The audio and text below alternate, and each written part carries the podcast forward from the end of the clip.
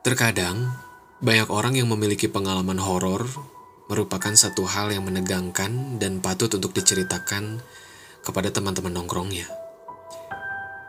Tapi ada juga orang yang gak mau menceritakannya kembali karena takut untuk ngebayanginnya lagi.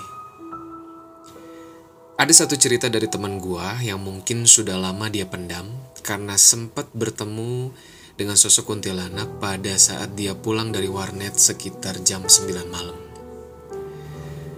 Gue ketemu dia di satu warung kopi dan dia cerita waktu itu seperti apa.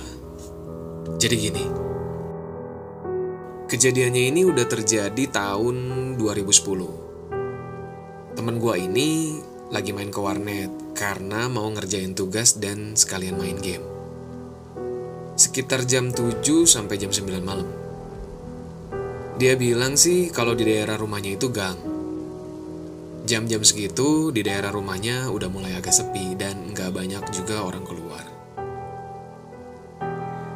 Waktu dia balik dari warnet, dia ngerasain cuaca yang agak dingin. Anginnya pun kenceng banget dari yang biasanya. Tapi ya dia nggak mikirin yang aneh-aneh sih.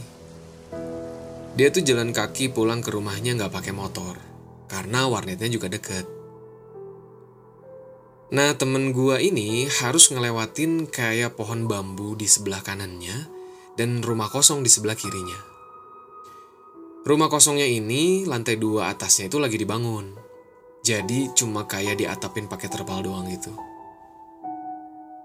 Pas dia ngelirik ke arah rumah kosong ini, kok kayak ada yang ngeliatin di sela-sela jendela lantai satu. Dia berpikir, ah bukan lah ya, mungkin itu cuma perasaan dia doang karena kan gelap. Pas nggak jauh dari rumah kosong itu, tiba-tiba dia ngerasa ada yang terbang di atas kepalanya. Tapi kok sambil ada yang ketawa dan itu suaranya cewek. Pas dia nengok ke atas, dia lihat ada sosok kuntilanak lagi terbang ke arah pohon bambu dan terbang lagi ke arah rumah kosong itu sambil ketawa lagi. Temen gue ini kaget dan takut. Dia langsung lari buru-buru keluar dari jalan itu. Nah pas dia lari, ketemu sama jalan yang agak berterap. Di sana ada rumah tempat penyimpanan areng. Pas dia lewat situ, dia denger kayak ada suara anak ayam. Temen gue ini bilang, bodohnya kenapa gue malah nyari suaranya di mana? Harusnya sih padahal ya lari aja gitu kan karena gue udah ketakutan nih katanya. Taunya pas dia lagi cari suaranya di mana, di situ ada kuntilanak lagi duduk ngeliatin teman gue ini. Dia kaget, teriak, langsung lari lagi sampai rumahnya. Dia lari sekenceng-kencengnya.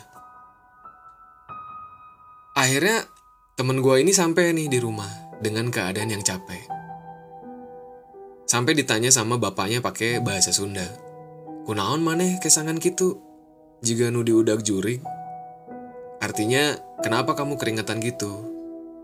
Kayak yang dikejar setan. Dalam hati temen gue, ya memang lagi dikejar setan ini. Tapi temen gue ini gak cerita sama bapaknya. Dia cuman ke dapur, terus minum, habis itu balik ke kamar, lanjut tidur. Besoknya dia gak sekolah karena sakit selama seminggu dan badannya juga meriang, demam. Pada saat dia lagi sakit, dia cerita kalau dia mimpi ketemu lagi sama si kuntilanak itu. Ketemu pas persis di daerah pohon bambu. Tapi posisi si kuntilanak ini ngebelakangin. Jadi dia nggak bisa lihat mukanya seperti apa. Dia bilang kalau di mimpinya itu nggak sampai ngeliatin mukanya. Jadi ya dia juga penasaran kayak apa sih muka si kuntilanak itu. Cuman dia ngerasain kalau ini tuh kayak lagi bukan mimpi, tapi beneran ketemu. Jadi semenjak kejadian itu, dia udah nggak pernah lagi lewat jalan itu sampai hari ini. Dia lebih baik jalannya muter jauh nggak apa-apa, yang penting nggak ketemu sama hal yang begituan. Jadi gimana? Kamu juga pernah punya pengalaman yang sama nggak dengan teman kita ini? Semoga enggak ya.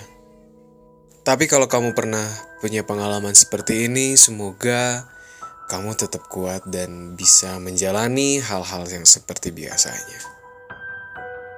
Sampai ketemu lagi di cerita yang lain. See you next time. God bless you.